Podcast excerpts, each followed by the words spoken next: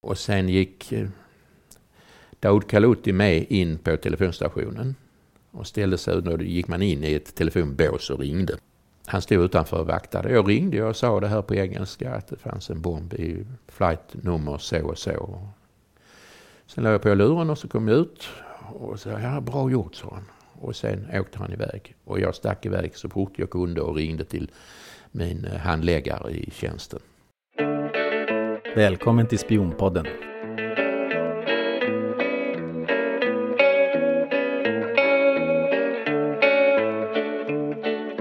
Hej och välkomna till Spionpodden. Mikael Hylin heter jag. Nu sitter vi ännu en gång i det fantastiska Malmö och eh, jag har fått äran att än en gång få komma hem till ingen mindre än Gunnar Ekberg. Hej! Hej där! Det var väldigt roligt för att eh, väldigt många som har lyssnat och som gärna vill höra mer av dig. Och jag vill verkligen, vill verkligen berätta det, att det var väldigt kul med, med så många som reagerade på, på ditt avsnitt, vårt första avsnitt.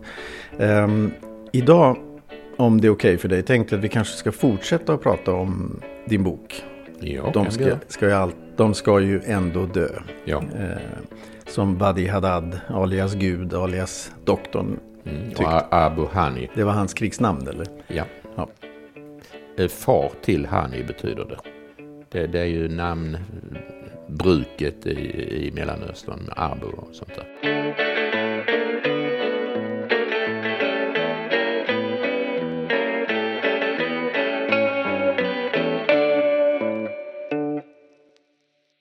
Jag tänkte höra, du jobbade för IB. IBs främsta uppgift var ju att informationsbyrån var ju att, att jobba utomlands. Men ändå så, så var dina första kontakter inom Palestinarörelsen i Sverige. Kan, kan du berätta lite grann om den? Ja, det började med att eh, jag flyttade till Göteborg.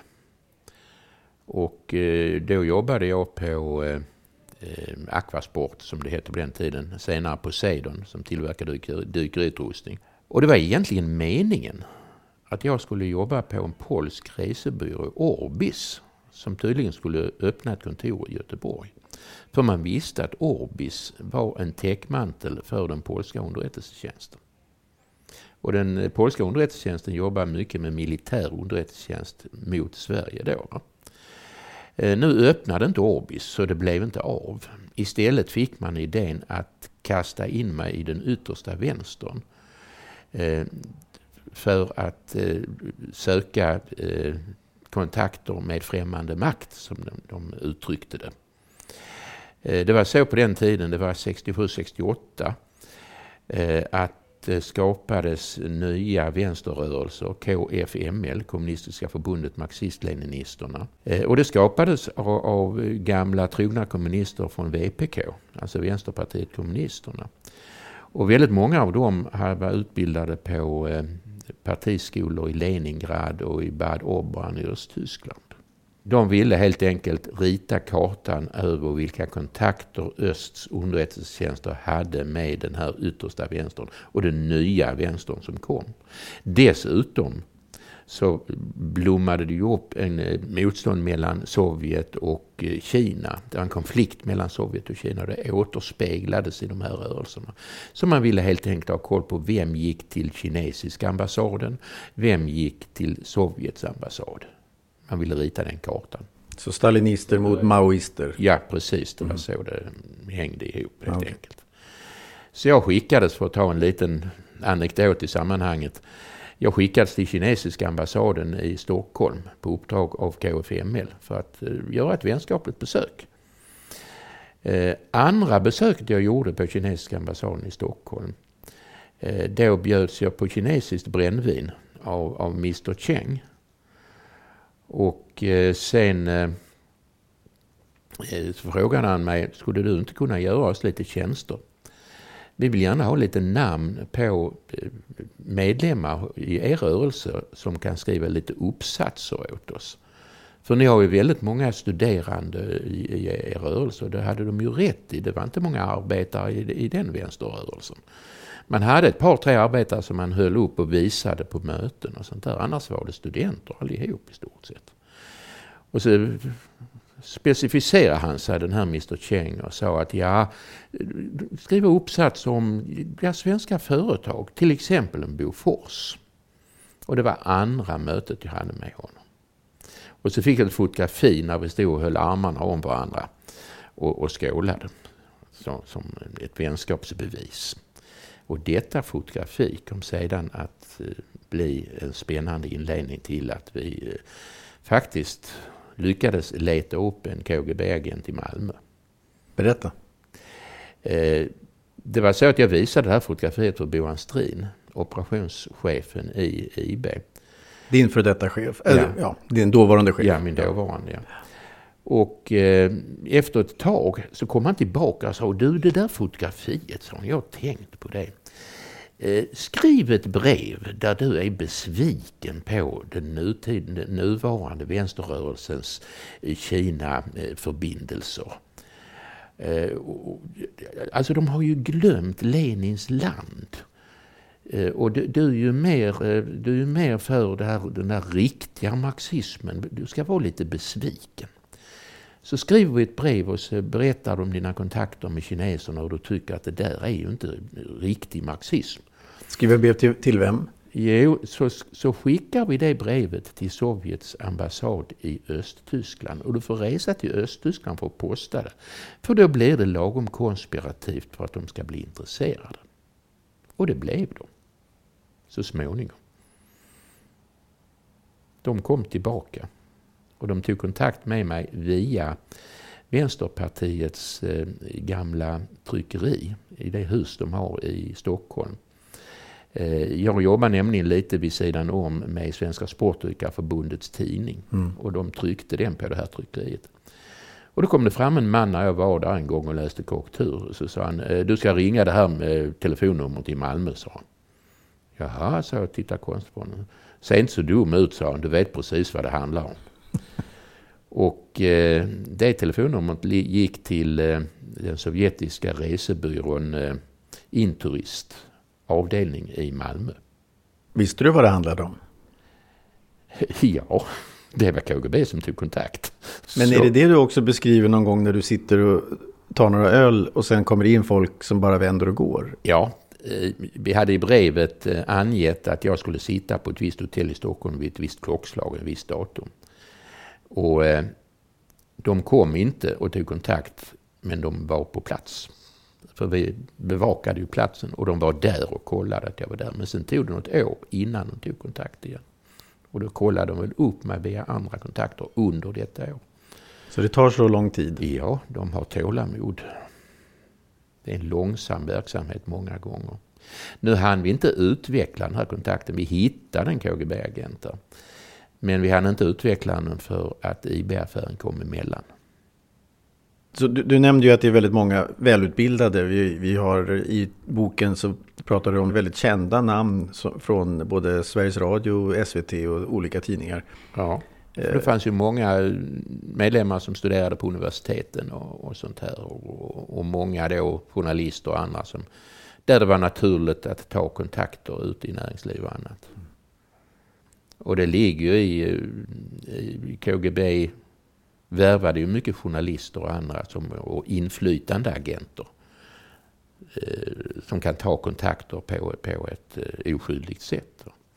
Ja, för det står ganska många händelser i, i just det här med Sveriges Radio-reportrar. Eh, eh är det inte lite... Kan inte det vara väldigt känsligt med ett statligt, eh, på den tiden, monopol? Eh, informationskanal som dessutom har journalister som är i en speciell, ganska farlig rörelse? Jo, naturligtvis.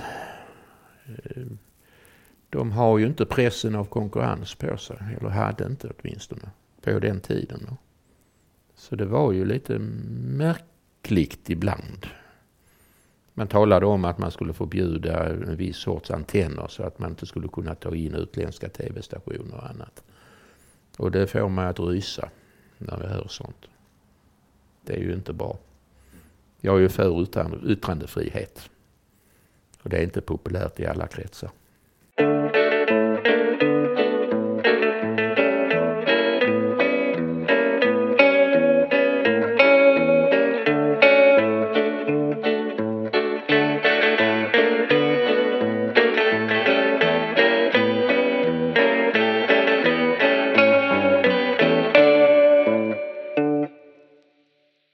Finns ju ett fantastiskt spännande avsnitt i boken om eh, det här inbrottet som du gör tillsammans med Bo Anstrin 1969 i de förenade FNL-gruppernas lokaler i Göteborg. Kan du, kan du inte berätta om det? Eh, jo. Eh, jag hade ju tillgång till de här lokalerna. Och eh, hjälpte till att trycka flygblad och göra lite olika saker. Sprang ut och in. Så eh, jag fick nyckel till en av de här lokalerna tillfälligt då jag skulle utföra något eh, ärende av något slag. Och då rapporterade jag det helt enkelt.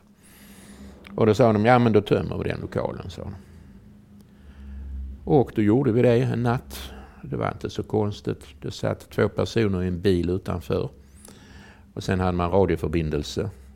Jag gick in med två personer. Och sen hade man radioförbindelser och de kunde varna om det kom det var någon på väg och sådana här saker.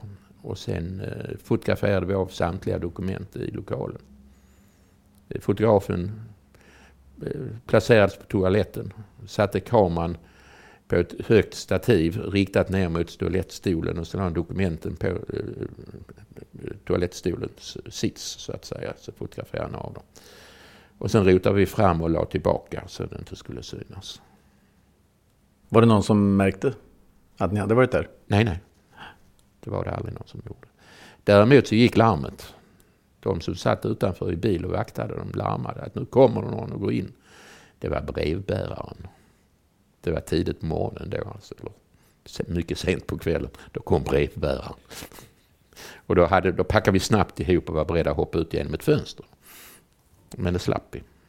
Och du kom in genom dörren för att du hade nyc- tillgång till nycklarna? Ja. Hur kändes det då att eh, vara där inne? Det, måste ha varit, det var ju ändå ganska tidigt i din karriär, var det inte det? Ja, det var det. Ja, ja lite spännande. Lite smått roligt naturligtvis. Vem var egentligen den här Staffan Bäckman, alias Mustev? Vem var han? Staffan Bäckman är en författare i Stockholm. Och eh, han hamnade, rätt originell figur. Han hamnade med sina, eh, med sina känslor hos PFLP. Han reste mycket i eh, Mellanöstern. Mm. Jag var där samtidigt som han var där. Han beskriver sina resor i, i olika saker han har, har skrivit. Eh, och eh, han blev någon sorts kontaktman mellan PFLP och folk i Sverige. Nu var han inte så skicklig för att han skulle då sköta kontakter med, med koder och eh, sånt här. Han skulle vara tillgänglig på vissa tider så man skulle kunna ringa och ge honom någon siffra när man var ledig och, och han skulle sköta kontaktvägarna och sånt. Och han var inte så duktig på det. Men eh, konspirativ verksamhet med PF, PFLP. Och han beundrade dem. Och, han skrev bland annat att man hyllade, man, vi måste hylla hjältarna i München när, när de då eh, gjorde ett attentat mot eh, OS i München då, jag tror det var 72 va? Om jag, ja, jag tror det var 72. Fel, Så att han var ju för det här att man skulle döda judar helt enkelt. Mm. Det var han mycket för. Men sen efteråt har han skrivit hur fredliga de var. Och de utförde, PPP utförde ju aldrig något terrorattentat. Så det, ja, jag tror inte han hade alla hemma. Men var inte Göran Rosenberg med i samma grupp? Jo, men här har vi en helt annan typ av människa som var rätt så seriös faktiskt. Han gick inte på de värsta dumheterna. Men han hade väl någon sorts förhållande till Israel och annat och förhållande till sin pappa. Lite sådana saker helt enkelt. Men eh, det är en så, människa av den typen som man förmodligen kan prata med efteråt. Så att säga. Ja, som lite utnyttjades av de här rörelserna. Men jag tror inte han gick över någon gränser allt för mycket. Det fanns ett fall där han och Jan Guillou hade mätt avstånd på Lord Airport och sådana här saker som var lite konstigt. Som Jan Guillou sen skröt om. Vilken, vilken flygplats var det? Lord Airport i, i Israel som sen utsattes för ett attentat.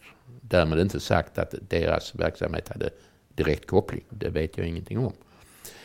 Eh, sen skrev, beskrevs detta av, eh, av eh, Svante Winqvist i en bok.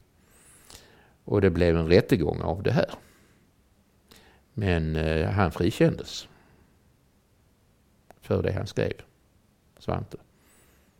Så det är fortfarande en öppen fråga vad de gjorde på Lord Airport med mätningar och sånt. Men det är det enda som jag vet som skulle vara oegentligt från Rosenbergs sida. Annars, annars så ser jag honom som en rätt intelligent människa som förmodligen så här efteråt kan ha lite avstånd till hur han förhöll sig på den tiden.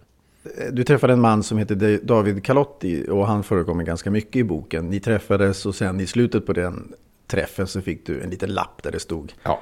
någonting speciellt. Berätta. Jo, eh, han var ju med i Palestinarörelsen i Stockholm tillsammans med Jan Guillou och resten av det gänget. Och han kom till Göteborg för att vi skulle diskutera några demonstrationer där vi skulle samarbeta. Och vi satt på eh, studentkåren i Göteborg och drack kaffe och pratade. Och sen mitt i alltihop så säger han att ja, men vi måste lära sionisterna att de kan, eh, de kan få ett äpple då och då. Och jag fattar ju ingenting. Vadå äpple? Ja, boom, boom, sa Carlotti. Oj då, tänkte jag. Vad handlar det här om? Ja, nu följer du med oss, sa han, så åker vi till, till, till telegrafstationen. Så ska du ringa ett samtal till det här numret, sa Frankfurt, och så ska du säga att det finns en bomb eh, placerad på flygplanet. Det är ett El Al-flygplan. Alltså ett israeliskt flygplan. Och då stod jag där med byxorna nere. Eh, nu förväntades jag göra en mycket olaglig handling. Vad skulle ske om jag vägrade? Jo, då kunde vi säga adjö till den kontakten. Vad skulle ske om jag gjorde det? Ja, i absolut värsta fall så skulle man kanske hitta en bomb och undvika att en massa människor sprängdes i luften. Så det var lika bra att genomföra det här hotet. Så vi åkte till den här telegrafstationen och telefonstationen. Det fanns ju inga mobiltelefoner på den tiden. Och eh, sen gick vi, Nordin Chatti var med också. Och sen gick eh, Daoud Kaluti med in på telefonstationen. Och ställde sig, då gick man in i ett telefonbås och ringde. Och eh, han stod utanför och vaktade. Jag ringde och sa det här på engelska att det fanns en bomb i flight nummer så och så.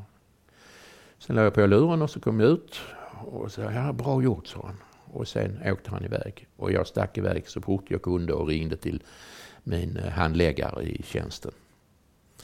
Och jag var ju ganska upprörd och han sa nej men ta det lugnt, nu tar vi hand om det här, sa han. Är det Svante Winqvist vi pratar om? Nej, Per. Ja, det är namnet Per som förekommer? Namnet Per då, okay, så han närmsta handläggare. Och sen tog Daud Kaluti kontakt igen någon vecka senare och var mycket tacksam för det här. Och sa ja, du får göra en sån här grej till, men då ska du gå till och så gav han mig ett namn. Eh, så jag ringde den här mannen och han gav mig information om vilket flyg det var, när det skulle avgå, vilket flightnummer det var och sånt och när jag skulle ringa. Och då kunde jag meddela tjänsten i förväg. Och de sa, ja det är bra, ring du, vi har koll på läget. Så ringde och då var det ett flygplan från eh, Middle East Airlines. Och då var meddelandet att sionisterna hade placerat en bomb på Middle East Airlines. Och det roliga var att då var Daoud Kaluti passagerare på just det flygplanet. Så när, det blev, när man satte ner flygplanet och tömde det så kunde han stå upp och säga, ja men titta sionisterna, de, oh, de gör sånt här. Och han tog hem eh, propagandavinsten så att säga i det här. Så det var planerat att han satt på planet? Ja, det var planerat.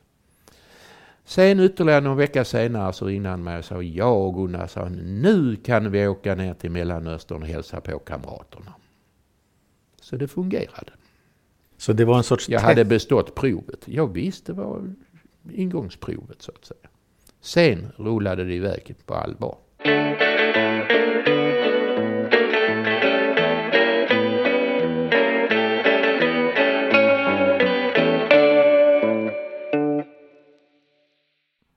Berätta.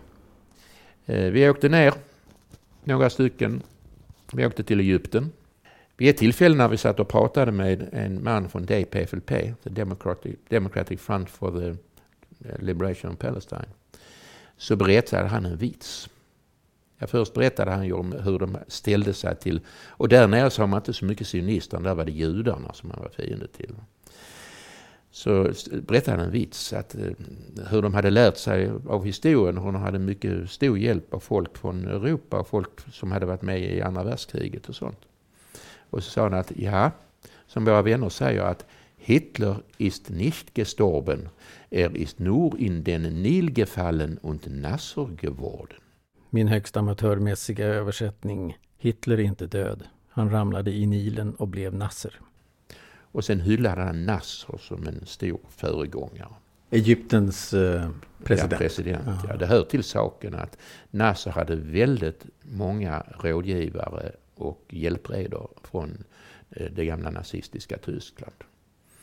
Som hade flytt då till, många av dem till Argentina och sen kommit till Egypten och arbetade för Nasser.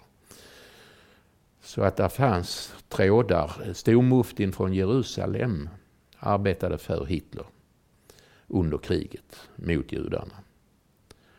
Och han, eh, Yasser Arafat är släkting till den här stormuftin. Och Yasser Arafat född i Egypten. Men KGB såg till att hjälpa honom att fixa så att det såg ut som om han var född i det man kallar för Palestina. Så att det är roligt att se hur historien hänger ihop. Alltså du menar Yassir Arafat, den förre väldigt kände palestinska, eller PLO-ledaren? Ja. Eh, Al-Fatah-ledaren.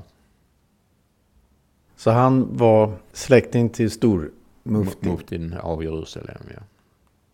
Men det får man inte riktigt tala om. Varför inte då? Nej, då blir det ju kopplingen till de gamla nazistiska rörelserna och sådana här saker. Och det är väldigt tydliga gamla kopplingar man läser historien. Så eh, de hade ju en gemensam fiende i judarna. Om vi försöker gå lite kronologiskt så, så åker du ju, du träffar ju två stycken, en Mona Sodi och Rolf Svensson. ja, ser... Jag träffade aldrig Rolf Svensson, men Mona Saudi träffade jag. Hon okay. gjorde sig sedan känd för att eh, vara med på en flygplanskapning. När man satte ner ett flygplan utanför Amman eh, 1972, det också vill jag minnas. Och ett av flygplanen sattes ner i Egypten. Och hon skrev poetiskt om hur vackert det var att se flygplanen i kvällsljuset och sånt där. Sen var hon i Sverige, Mona Sadi, och ställde ut barnteckningar. Mm. Och det var ju fint att se och vänstern stöttade henne jättemycket. Och då hade hon kontakt med en Rolf Svensson. Sen åkte de till Köpenhamn, så att han stannade i Köpenhamn på ett hotell och hon åkte ner till eh, till Libanon och träffade Wadi Haddad, alltså operationschefen för PFLP. Och fick lite vapen och sprängämnen av honom som hon smugglade tillbaka till Köpenhamn. För man skulle nämligen åka sen, jag tror till någonstans i Sydamerika där Ben Gurion skulle komma på besök och så skulle man döda honom. David Ben Gurion var en israelisk politiker som 1948 blev Israels första premiärminister. Han var den som ledde invasionerna av Egypten under Suezkriget. Ett krig som enligt ett tal i Knesset motiverades som ett återställande av Israels bibliska gränser. David Ben Gurion betraktas som Israels grundare och nationalfader samt som den som förmådde omsätta Herzls och Weissmans utopier till verklighet.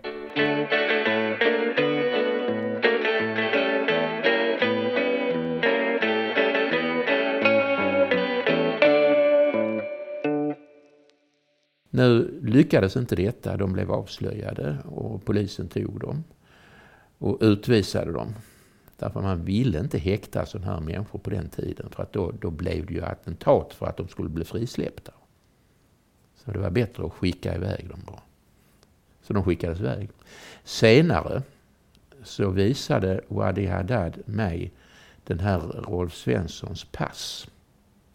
Som de hade. Och så sa de där att du ska leta upp honom. Så ska vi ta hand om honom. För de trodde att han arbetade för Mossad, alltså israeliska underrättelsetjänsten. Så vi letade upp honom och, och liksom meddelade allt där till PFLP men vi såg till att skydda honom också.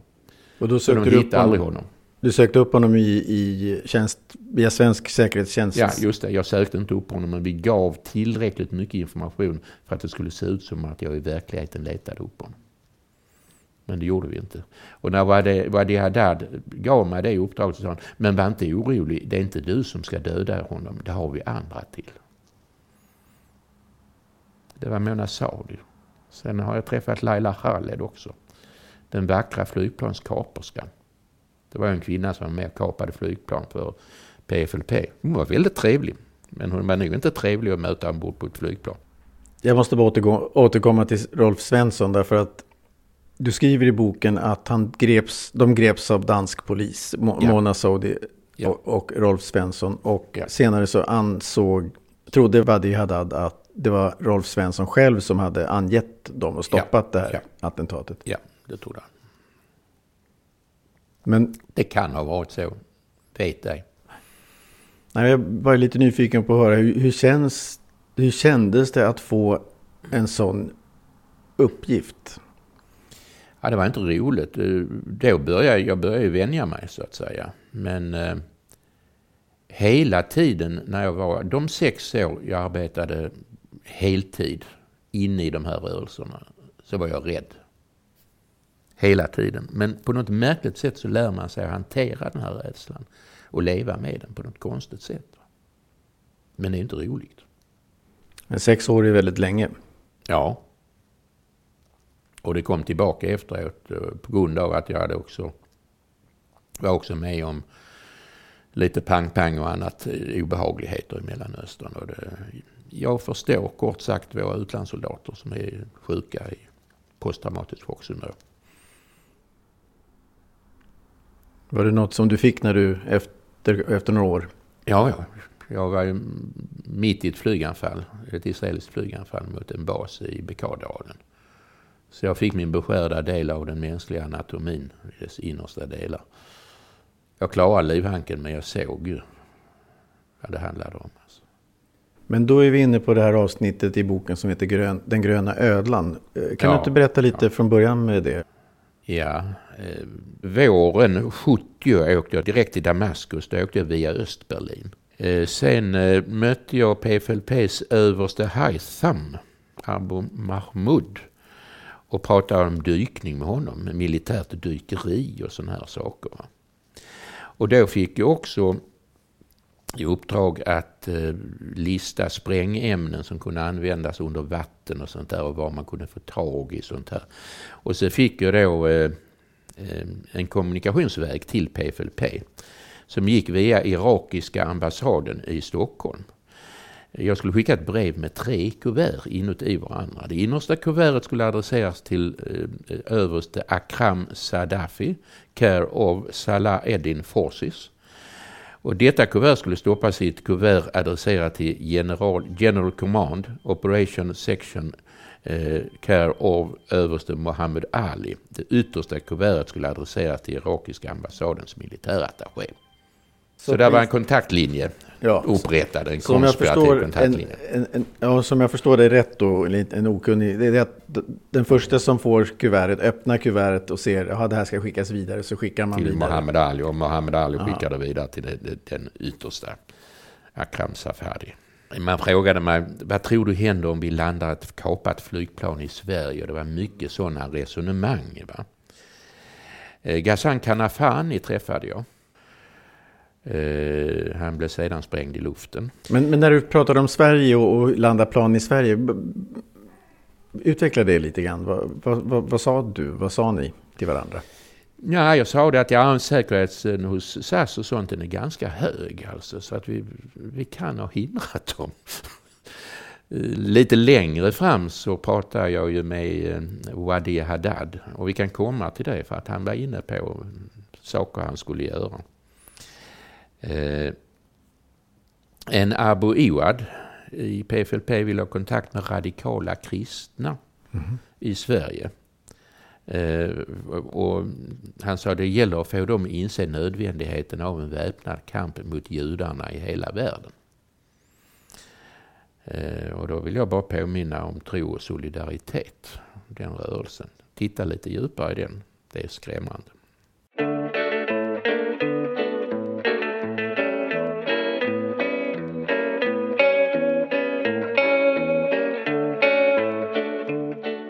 Socialdemokrater för tro och solidaritet, STS. Fram till 2011 Sveriges kristna socialdemokraters förbund, kallad Broderskapsrörelsen, är en svensk politisk sidoorganisation inom Socialdemokratiska arbetarpartiet, SAP, som ursprungligen organiserade protestantiska kristna socialdemokrater, men som sedan 2011 troende inom olika religioner. Redan 1999 hade organisationen ett samarbete med Sveriges muslimska råd med målet att öka antalet muslimer på valbar plats i partiet. År 2011 bytte organisationen namn till Socialdemokrater för tro och solidaritet för att spegla att organisationen är en rörelse för socialdemokrater av olika religiös tro. Organisationen kritiserades efter att ha inbjudit antisionistiska försvarare av terrordåd som talare 2005 och när man förordrade Omar Mustafa i partistyrelsen trots att han också var ordförande för Islamiska förbundet i Sverige som har beskrivits som en islamistisk organisation delvis inspirerad av Muslimska brödraskapet. Sedan 2013 har Socialdemokrater för tro och solidaritet tydligt tagit avstånd från islamism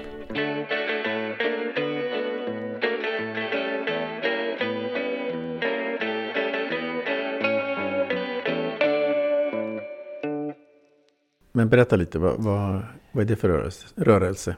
Ja, vi kan ta det lite lugnt med det. Det är en socialdemokratisk rörelse och där sitter en man som var med i KFML och KPML eh, och som sedan togs med som ojävig representant i säkerhetstjänstkommissionens eh, utredning av IB-affären han var ojävig. Han hade suttit i KPML och så vidare.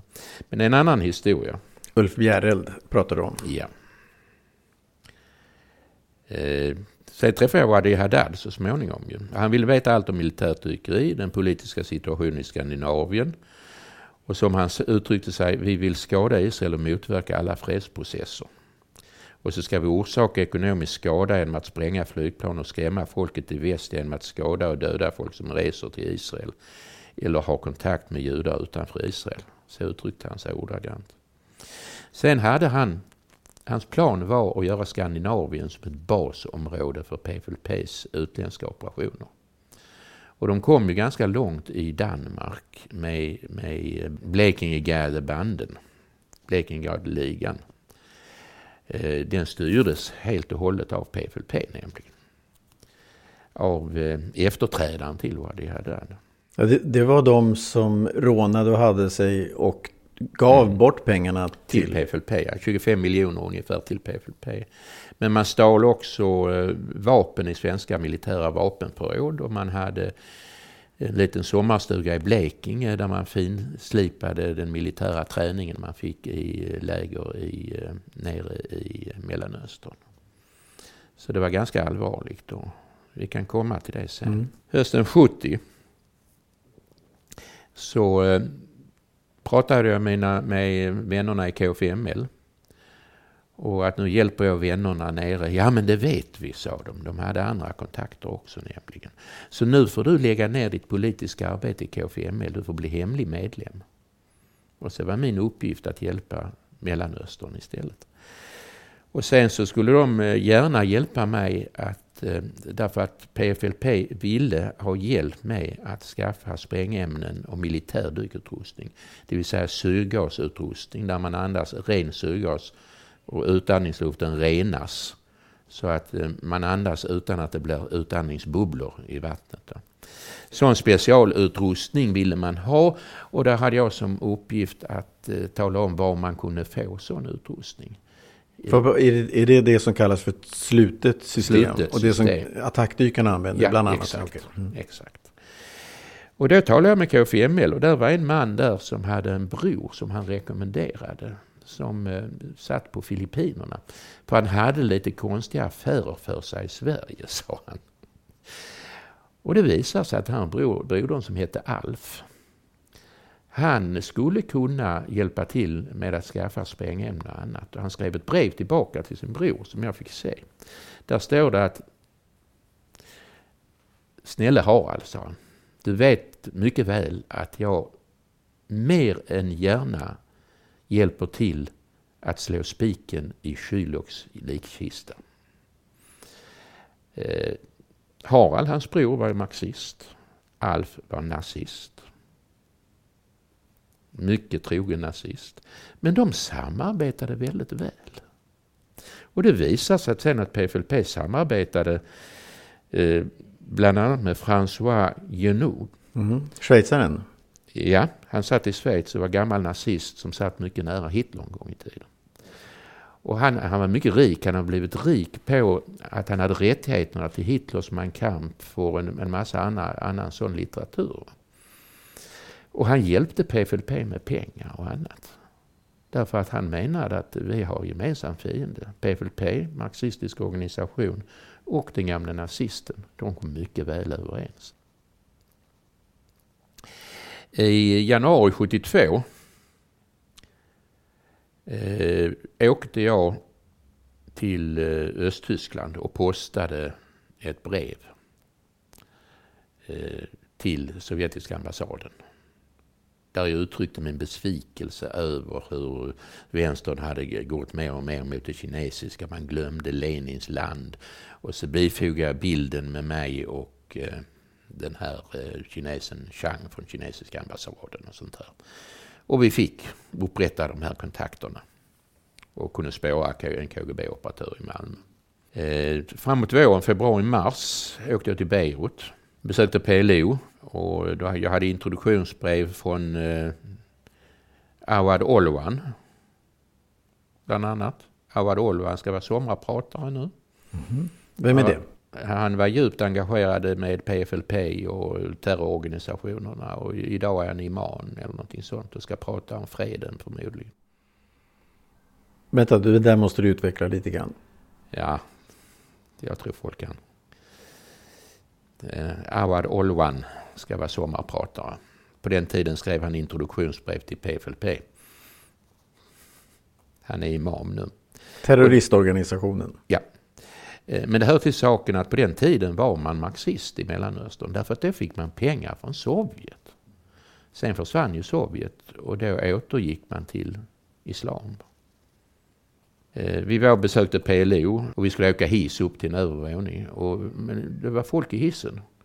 Det var två man. Det var Yasser Arafat och hans livvakt. Och Ismail Shamut presenterar mig då. Yasser Arafat slänger sig om halsen på mig och kysser mig på munnen. Det var enda gången jag träffade honom. Det är nog inte många som har fått en kyss på munnen av mm. Yasser Arafat. Mm. Jag träffade Ghassan Kanafani. Eh, som var mycket upptagen då i februari-mars 72 när jag var där nere. Han var upptagen för han, hade, han och hans japanska vänner hade mycket att göra som han uttryckte det. Och så gick han in på ett rum tillsammans med en japansk kvinna. Eh, och det visar sig att eh, strax efteråt så eh, sker ett attentat på eh, Lord Airport i Israel. Eh, där eh, ett antal japaner från japanska Röda armén och folk från PFLP eh, åker in och de har vapen med sig så de skjuter ner civila hejvilt när de kommer, kommer, har, har landat och kommer in i, i väntrum och sådana här saker. Så det, det, var en massaker där. Va? Den var planerad av PFLP i samarbete med japanska Röda armén. Och då hade jag innan varit där och jag såg Hassan Kanafani sitta och titta på en stor ritning. Och det måste ha varit ritningen på flygplatsen. Men här har du underrättelsetjänstens svårigheter. Hur skulle jag kunna koppla det till att de skulle göra något sånt? Men jag såg att japanerna var där innan attentatet. Är det någonting som man i efterhand kan fundera mycket över om jag hade förstått det bättre. Ja, det funderar man på. Det låg brev på hans skrivbord med japanska och tyska frimärken till exempel. Men hur känns det då efteråt när, man, när, mm. när du funderar på det här? Vad, vad, är det som, vad är det du ser framför dig? När ja, du funderar? om jag hade rapporterat, jag tror jag rapporterade det här med japanerna men det, det var ingen som satte in i något sammanhang. Mm. För det är hela tiden, vad hade hänt om? Det är hela tiden det här. Va?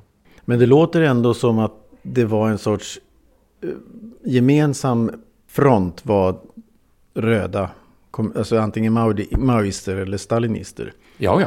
Och alla hade judarna som fiende. Ja.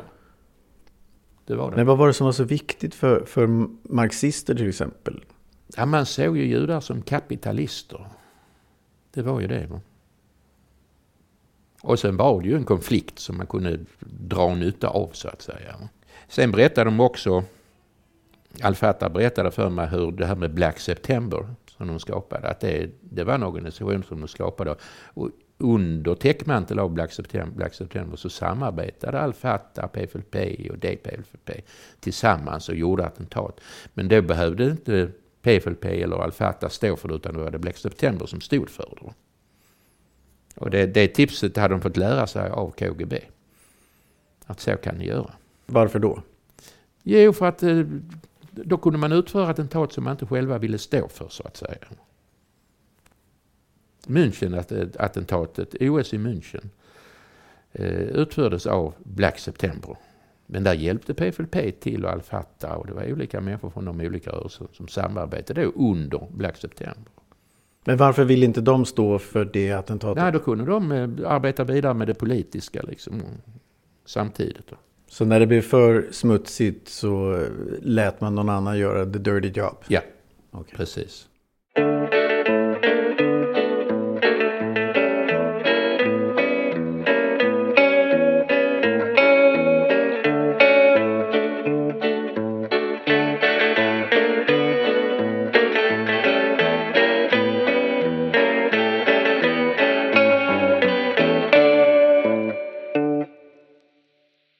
Jo, du skriver i boken att Boan Strin eh, introducerar dig till ja. en man som heter Danny. Ja. Berätta lite. Vem ja. är det? Nej, de sa just det till mig att nu, nu har du kommit så långt där nere så nu måste vi ha hjälp. Eh, så jag introducerades för Mossad, alltså israeliska underrättelsetjänsten. Och det var en man som hette Danny som blev min kontaktman. Då. Jag träffade honom i Göteborg. Och då gjorde vi upp om hur vi skulle träffas och var vi skulle träffas. Och de här grundläggande arbetsformerna som man har. Så vårt kontaktställe var Köpenhamn. Det var vårt första kontaktställe. Och då skulle jag åka till Köpenhamn och sen så skulle jag gå till eh, Rådhustorget i Köpenhamn. Och där var en märklig telefonkiosk. Stor, eh, rund med toppigt, runt tak. Eh, alltså en gammal historia. Och så skulle jag in där och ringa ett visst telefonnummer och så skulle jag be att få prata med the ambassador. Och så skulle jag hälsa från eh, mitt tecknamn. Som jag inte vill berätta för det är väldigt bra att ha som kod i datorn och sånt för jag kommer ihåg det än idag. Vi kan kalla det för Ralf. This is Ralf, I would like to speak to the ambassador. Men det var inte någon ambassadör jag talade med utan då, då kom Daniel.